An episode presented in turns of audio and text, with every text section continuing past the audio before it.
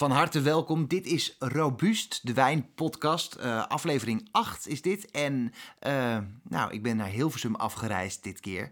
Op bezoek bij uh, Gert Krump. En Gert is van oorsprong socioloog. Maar eigenlijk al heel snel kwam hij erachter dat hij ja, een en al passie heeft voor ja, wat we allemaal denk ik hebben, het mooiste product ter wereld, uh, wijn. Uh, van, uh, van harte welkom moet ik eigenlijk niet zeggen, want ik ben bij jou thuis.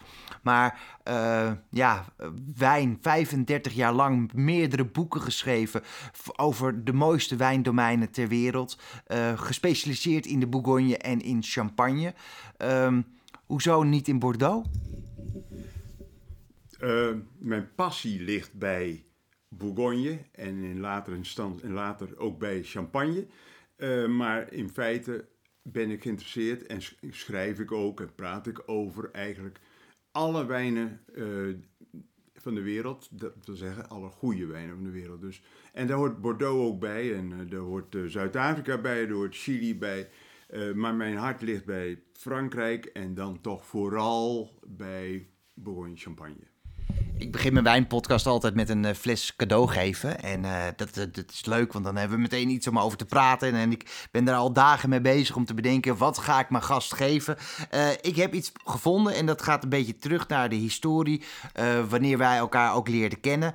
Ik heb als 15, 16-jarig jochie heel veel flessen groot geluk moeten inpakken als cadeautjes. Ehm, dat werd gemaakt door een wijnbedrijf, Filera. En Twee jaar geleden, vlak voor de coronacrisis, ging ik op reis naar Zuid-Afrika met een uh, grote club wijnhandelaren. en als eerste bezoek zouden we naar Filera gaan. En ik dacht eigenlijk, nou, dan gaan we naar een fabriek toe. Want die grote gelukwijnen, dat, dat stelde niet enorm veel voor. Behalve de vonkelwijn die ze daar maakten. Um, en ik was eigenlijk uh, flabbergasted. Het was een prachtig wijnbedrijf. En heel leuk, een heel groot wildpark erachter waar we meteen zijn wezen kijken. Zij hebben een project uh, in de Hemel- en Aardevallei. Een uh, Pinot Noir ga ik je cadeau geven. Dat je er vooral erg van moet genieten. En ben benieuwd of je dit dezelfde kwaliteit gaat vinden als een mooie Premier Grand Cru uit Nuit Saint-Georges. Of zou dat niet kunnen? Nou, in de eerste plaats hartelijk dank hè, voor deze fles. Upper Hemel en Aardevlei. Je zegt dat je er twee jaar geleden was. Als ik nou goed nadenk, dan was ik er voor het laatst hier, juist ook in de Hemel en Aardevallei, ten noorden van Hermanus. Uh, een kleine drie jaar geleden, februari 2018, denk ik dat ik er was. In ieder geval het jaar voor corona. En uh, ja, uh, deze wijn ken ik niet, dus het is hartstikke leuk. En ik ben benieuwd wat ik ervan vind. Standalone, Pinot Noir. Ik lees op het achteretiket dat die uh, voor een belangrijk deel gemaakt is uit uh, wat de Engelsen noemen whole bunches. Uh, de Fransen spreken over grappe entière. Dus niet de druifjes gerist van, van het hout, van de steeltjes, maar de totale tros vergist. En dat is eigenlijk heel klassiek Burgondisch. dus ik ben heel benieuwd hiernaar, want de nieuwe Bourgognes daar zie je dat niet. Maar de, een aantal producenten, de minderheid nog, maar het groeit weer, uh, doet hoelbeuntjes, doet grappantière uh, fermentatie. En uh, ik ben daar een groot fan van. Dus ik, ik ben heel benieuwd naar deze wijn. Standalone, Pinot Noir, uit Zuid-Afrika. Mooi. Of die te vergelijken zal zijn met een, wat jij noemde, een Premier Cru uit Nuit Saint-Georges. Grand Crus heb je niet in Nuit Saint-Georges. Premier Cru uit Nuit Saint-Georges. Uh, dat, dat betwijfel ik, maar dat ga ik vaststellen. Maar het gaat ook niet om, is die, is die, te, eh, is die van een gelijke kwaliteit? Hij zal zijn eigen identiteit hebben, deze wijn, zijn eigen karakter hebben. En daar gaat het om. Op hoog niveau een eigen karakter, een eigen gezicht. En dan hoeft het wat mij betreft helemaal niet Mise en George te zijn. En ook zelfs geen Von Romané of zo. Jij hebt uh, dus het hele mooie boek geschreven over Romane Conti. Ik heb voor twee podcasten geleden met Joep Speet uh, gehad over een idee. En eigenlijk kwamen we daar niet helemaal goed uit om een kast na te maken en daarin uh, de wijngaard van Romane Conti compleet na te bootsen. Met, bootsen. met een grond eronder helemaal analyseren klimatologische omstandigheden na te uh, bootsen, zou je dan net zo'n mooie wijn kunnen maken als uh, de echte Romanée Conti? Denk je dat dat mogelijk is? Je bedoelt eigenlijk een soort eh, tuinbouwkas. Ja. Eh, ja, dat, dan, dan maak je natuurlijk totaal iets anders. Want dat, je, je bouwt iets tussen eh, de essentie, de, de zon, eh, de regen, de wind en de plant eh, in, namelijk een eh, glas, glastuinbouw. En die bodem, eh, die, kijk, in, laat ik zo zeggen, de bodem van, van, van onder andere La Romane Conti is niet eens origineel. Want in de 19e eeuw hebben ze karrevrachten aarde uit een bepaalde carrière, een groeve, waar ze kalksteen eh, wonnen voor, voor huizen bouwen, wat dan ook. hebben ze vrachten eh, aarde in, in de, de wijngaard van La Romane Conti gedumpt. Gedumpt is het verkeerde woord, maar je snapt wat ik bedoel. Dus eh, de bodem is, de toplaag is nog wel enigszins te, te, te, na te bootsen, de toplaag. Maar de, de onderliggende laag, en dan heb ik het over de eerste 2, 2, 3 meter, waar de wortels zitten. Dat wordt al een groot probleem om die na te bootsen. Maar nee, ik denk dat je er überhaupt niet moet beginnen. Nee, kansloos. Nou, d- d- goed, goed idee. Ja, eh, Joep had vooral het, eh, eh, die, we gingen het eh, sommetje maken en die zei je bent eh, toch nog veel duurder uit en het is eh, inderdaad... eh, dus ik ga een streep zetten door dit pro- project. Ja, Ehm, ja dit, wat, wat ik eh, verbaasd was gisteren, eh, we gaan een beetje op, van de hak op de tak, maar dat is ook het leuke... heb ik een bestelling geplaatst eh, om de winkels te vullen nog met een beetje champagne. Ik had nog genoeg, maar een beetje erbij. Je weet nooit hoe het kan lopen. En eh, de champagneleverancier van de beroemde merken... eh Moet, Chardon, Veuve Clicquot, Ruinart... Ik kreeg een eh, antwoord dat alles uitverkocht was in alle maten en alle merken. Hoe is dat nou mogelijk in een jaar dat de horeca bijna de helft van de tijd dicht is geweest? Ja, ik, ik ben eerlijk gezegd niet verbaasd, Rutger. Eh, ik, ik heb het zien aankomen. Weet je, ik heb meer tijd dan jij om me te verdiepen in wat er gaande is in de champagne. eh, eh, je leest de cijfertjes en dergelijke. En dan, dan ontdek je eigenlijk dat eh 2020, eh, toen de coronacrisis begon, er meteen ongeveer een derde wegviel in de champagne qua omzet. Een derde. Men ging van 300, althans op jaarbasis, 300 miljoen flessen naar 200 miljoen flessen, dacht men. Dat dacht men in juni. En het was catastrofaal. En aan het eind van het jaar hadden ze toch nog 200, een kleine 250 miljoen flessen verkocht. Dus was niet het gat een derde, maar een zesde. Een zesde minder omzet. Men was nog heel blij. Maar nou blijkt dus dat heel veel wat verloren is in de horeca, gewonnen is in het thuisgebruik, verbruik. En daar zul jij ook van profiteren. Mensen zijn, eh, gingen niet naar de horeca. En in de restaurants is een fles champagne al snel kostbaar. Thuis is het ook niet voor niks, maar pak je toch sneller. En dat is in het afgelopen jaar 2021 in feite eh, het vliegwiel geweest. De horeca is weer op gang gekomen. Mensen konden niet echt veel op vakantie, hadden toch wat meer te besteden. Dus in de horeca werd ook goed champagne verkocht. Maar daarnaast was het thuisverbruik, wat het jaar ervoor was begonnen, heeft zich voor een deel vastgehouden. En wat we nu zien, is dat het een 2021 bijna een recordjaar is in champagne. Daar had niemand zien aankomen. Het recordjaar is 327 miljoen flessen op jaarbasis. En nu, dit jaar, zal men daar misschien zelfs overheen gaan. Daar lijkt het op. Maar we komen op 325, 340 miljoen flessen op jaarbasis. Die flessen zijn er gewoon, maar het logistieke probleem, dat, men had het niet zien aankomen. Dus ze zijn gewoon niet geëxpedieerd vanuit de champagne de wereld over. Eh, er is een gebrek aan dozen. Eh, karton is überhaupt schaars op het ogenblik. De, de bottenlijnen, het dégorgement, het klaarmaken voor eh, de, de expeditie, het, etiketteren en dergelijke. Eh, er was een gebrek aan bottenlijnen. Om, de flessen liggen natuurlijk naakt in de kelders. Die moeten schoongemaakt worden. Er moet een etiket op, er moet een capsule op. Alles, dat soort dingen. Men heeft het niet zien aankomen en men was te laat. De vraag is geëxplodeerd. Eh omdat de horeca tot voor kort ook bij ons hele goede zaken deed. En er een, nieuwe, eh, een nieuw moment, een nieuw verbruiksmoment was ontstaan. Thuis champagne drinken. En ik denk dat het nu de horeca, als het allemaal weer goed komt, de horeca gaat winnen per saldo in Nederland. Wij kenden de lunch niet, zoals de Fransen die kennen bijvoorbeeld, of de Belgen. In Nederland bestond de lunch amper. Als je naar het restaurant ging, was het s'avonds. We zijn de afgelopen tijd verplicht gaan lunchen. En mensen ontdekken hoe leuk lunchen is. En een groot deel van die ervaring zal blijven hangen. En dus als de corona, voor zover dat ooit voorbij gaat, maar weer ons de ruimte geeft, zal de horeca winnen. Want het diner bestond en de lunch zal voor een deel ook blijven bestaan. En als ik dan daar iets over mag zeggen, denk ik ook dat, de, dat er geen verliezer is op dat punt. Omdat de vakhandel, de wijnvakhandel, uh, de mensen hebben ook de weg meer daar naartoe gevonden om te denken, hé, hey, maar thuis kan je ook lekker eten.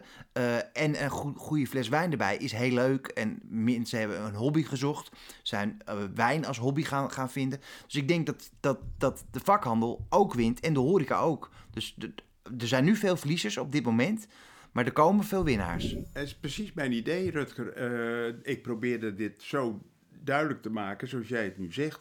Uh, de, de, de, de, horeca heeft het nu even weer heel moeilijk. Ze, ze hadden het uh, voor de lockdown best redelijk goed.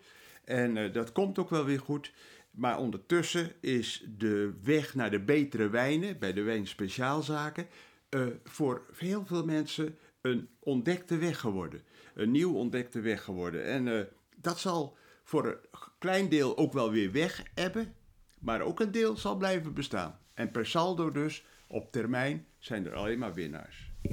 Ik uh, neem de luisteraars even mee terug in de tijd. Het was uh, vorige podcast verteld over mijn, hoe mijn carrière in de wijnwereld is begonnen als kartonkleinmaker bij Eduard Mol in Bussum. 15, 16-jarige leeftijd. Toen heb ik een jaar journalistiek gedaan en uh, dat ging me allemaal. Uh, ik zie hier enorm veel boeken. Nou, die komen al op me af. Ik was niet zo goed in, uh, in lezen. Ehm, en in 2000, of in 1999 ben ik gaan werken bij Eduard Mol. En in 2000 de Wijnacademie gaan doen. En volgens mij, zo rond september, was de les van de Bourgogne.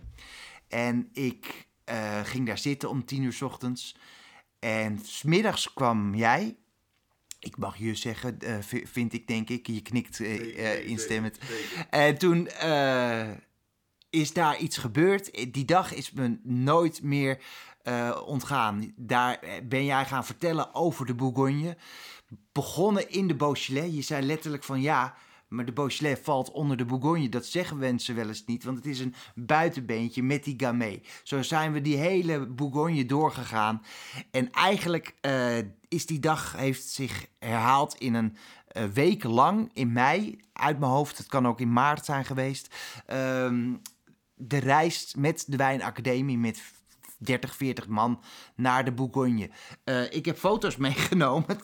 In die tijd moest je foto's afdrukken. Uh, nou ja, daar sta ik alleen op. Ik heb helaas niet eens een foto met jou erbij. Maar als broekje van 20 jaar is dat voor mij een van mijn eye-openers geweest. Het moment dat ik ontwaakte op het punt van hoe bijzonder is wijn en helemaal die Pinot Noir, die Chardonnay uit de Bourgogne. Niet alleen maar, maar precies die, die kleine dorpjes. Nou, ik mag je bij deze daarvoor bedanken dat je me dat hebt laten zien in die tijd. Ja, Rutger, weet je, daar speelde natuurlijk iets anders mee. Uh, Hilversum is dicht bij Bussum. Jij werkte, zoals je net zelf zegt, bij uh, Eduard Mol in Bussum. En ik kwam daar niet vaak, maar ik kwam daar wel. En ik zag jou daar. En, en toen kwam jij ook naar de Wijnacademie. Ik denk op instigatie van Eduard. Zei dat jij naar die Wijnacademie moest. En dan heb je al iets. Oh, die jongen die ken ik. Dus dan uh, is het al makkelijker. De drempel is al lager. Uh, en toen ging je ook nog mee op wijnreis. En je was een gezellige vent. Ben je waarschijnlijk nog. Maar je was een animator. Uh, dus dat was voor mij wel fijn dat, je, dat jij ook op die wijnreis was. En ja, ik herinner me niet specifiek de reis waar jij het nu over hebt. Want we hebben dat uh, sinds uh, de vorige eeuw iedere twee jaar gedaan. Alle keren zijn het prachtige reizen dankzij de Bourguignons. de mensen uit de Bourgogne, die ons eh, ontvangen en die ons laten proeven. En eh, het prachtige landschap van de Bourgogne. Ja, eh, voor mij is het een makkie om daar mijn enthousiasme naast te leggen. En dat is eigenlijk wat ik wil. Die kennis, die, al die specifieke kennis van die verschillende dorpen en, en, dergelijke. Dat, dat moet je zelf vergaren. Maar ik probeer dat enthousiasme over te brengen. En ik ben er bij jou, weet ik zeker, in geslaagd. Absoluut. Dat, ehm, in de Bourgogne, ik weet nog, in dat restaurant, toen gebeurde er opeens iets. Er gingen handen de lucht in en er werd gezongen. La la la la la la la. Ik weet het toch. Wat is dat voor liedje? Ja, dat is, uh, dat, dat, dat doe ik nog altijd. Uh, de eerste avond, zondagavond, zijn we dan aangekomen in, de, in Boon. En dan gaan we naar een uh, eenvoudig, maar leuk restaurant. En dan leer ik zogenaamd jullie een heel moeilijk lied met een moeilijke tekst. En ik zal het een keer voordoen, zeg ik dan. En dat, dat, dat moeten we allemaal kunnen zingen. Want een bezoek aan een wijnbouwer eindigt altijd niet met een hand van merci beaucoup, monsieur. Nee, met dit lied. Tra la la la la la la la la la la la la la la la. Nou, dat is een hele moeilijke tekst. En het gaat, dat kun je op de podcast niet laten zien. Maar dat gaat dan ook nog met uh, handdraaiende bewegingen in de lucht. Uh, de een en al vrolijkheid. En dat hoort zo bij de Bourgogne. Een en al vrolijkheid. En de Bourguignons doen dit zelf ook. Elk moment, een verjaardag, een feestje, uh, een gezellig intiem dineetje. Dan gaan ze klappen en zingen. Tra la la. Dus als wij als Nederlanders dat kunnen, dan ben je geaccepteerd Bourguignon. Wat leuk is om te weten, dat weet jij denk ik niet, dat dit, dit, dit lied uh, door een andere club is overgenomen. Uh, en dat is de, de Round Table International. Dat is een club van heren onder de 40 jaar, een netwerk, en dat is wereldwijd. En uh, de Franse tak, de Table Ronde, die heeft dit lied ooit op een internationaal evenement geïntroduceerd. Waarschijnlijk was het iemand uit de Bourgogne, een wijnboer. En dat is overgenomen en tot op de dag van vandaag wordt dit lied uitgebreid gezongen bij internationale evenementen van de Round Table, de, de tafelronde van uh, Nederland ook. We hebben net nog een paar weken geleden een kerstboom gekocht bij de ronde tafel. en uh, ik zal het aan een vriend hier in de, in de laan vragen of hij dat een keer voor me wil voorzingen. Want dat doe ik net alsof ik het niet ken natuurlijk. Hè? Ja. Heel goed, heel goed. Het, ehm, wat is het mooiste boek wat je ooit geschreven hebt? Dat, dat, moet nog komen. Dat moet nog komen. Nee, ach, wat is het mooiste boek? Het is net als waar we net spraken over Stand Alone uit de Upper Hemel- en Aardevallei. En een grote rode wijn van dezelfde druif, maar van een hele andere uh, ecosysteem uit Bourgogne.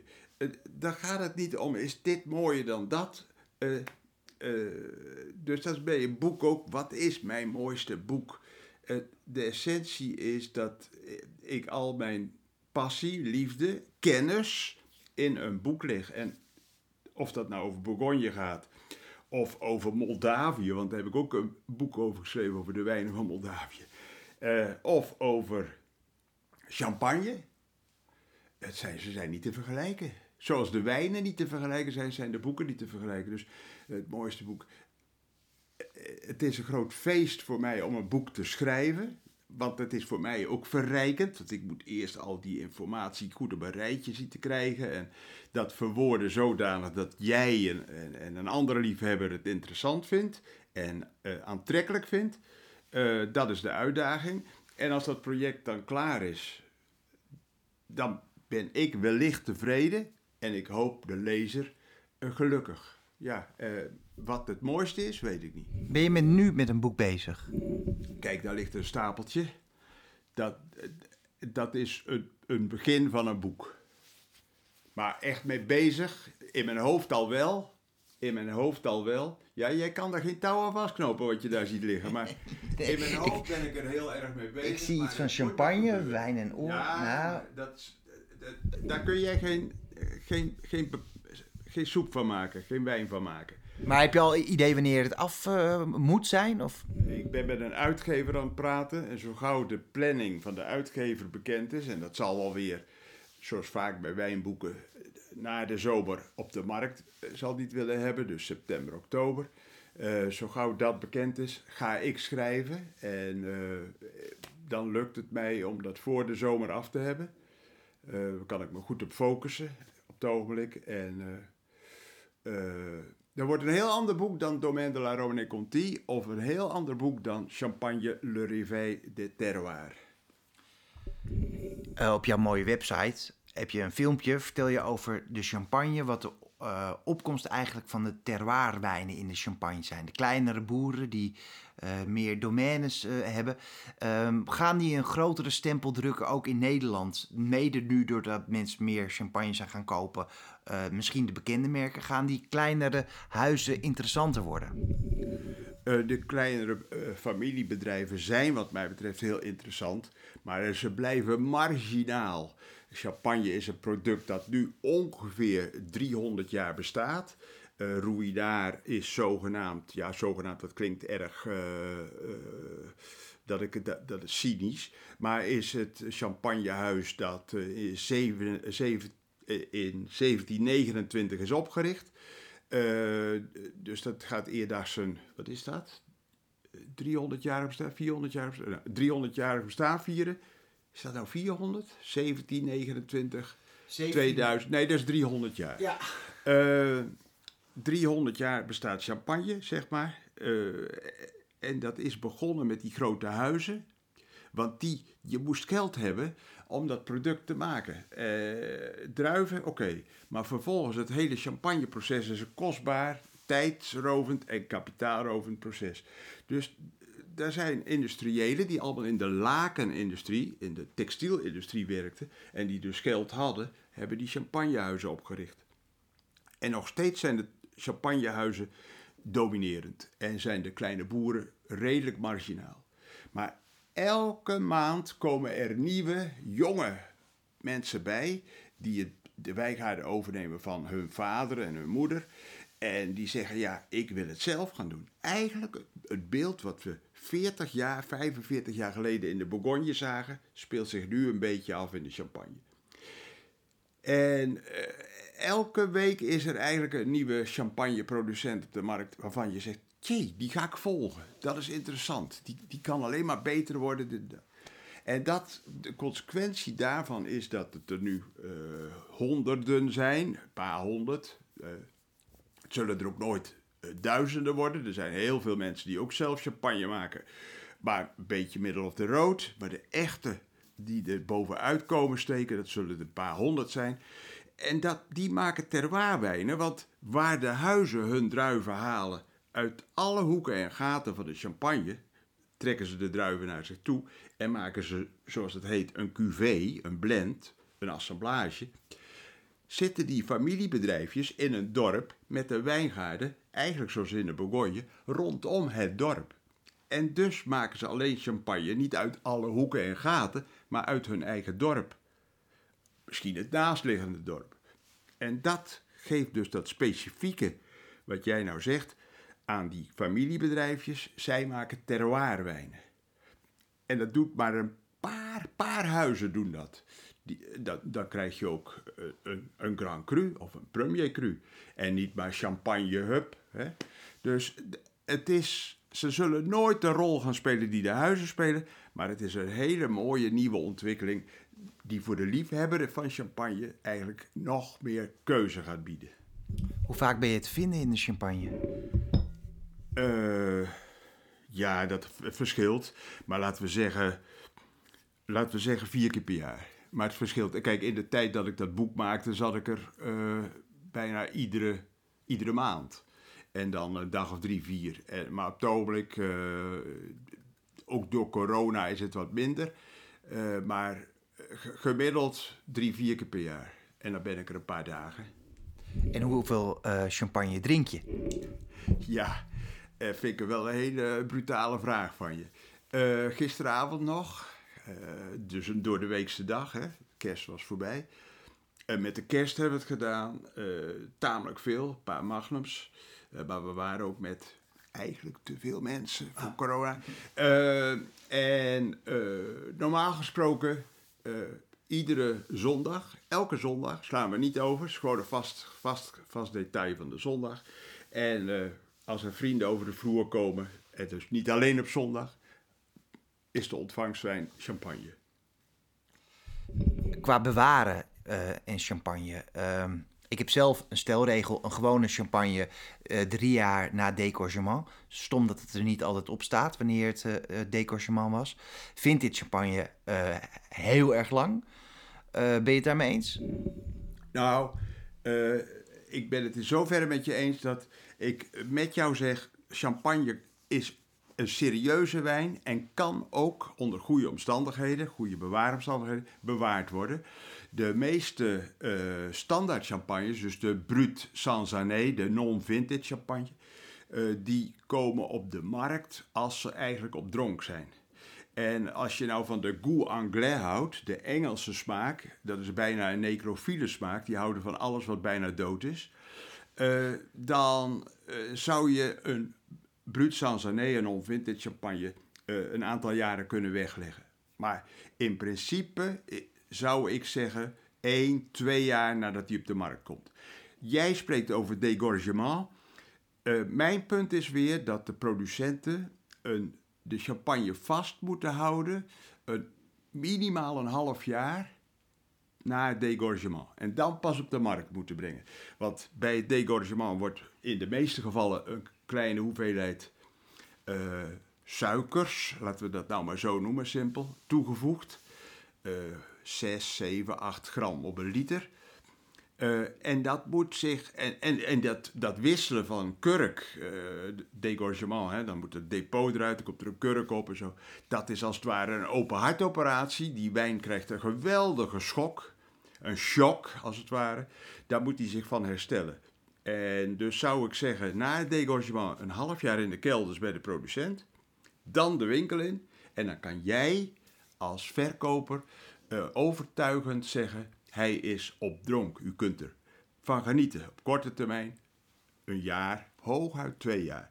Wat de vintages betreft, de millésimés, de vintage champagnes eh, met oogstjaar, die worden in het algemeen eh, op de markt gebracht omdat de producent zegt dat het een goed jaar is. Nou zijn tegen de laatste decennia bijna alle jaren wel eh, redelijk goed tot goed, maar dat was daarvoor natuurlijk niet. Maar tegenwoordig zijn er wel wat meer millésimés.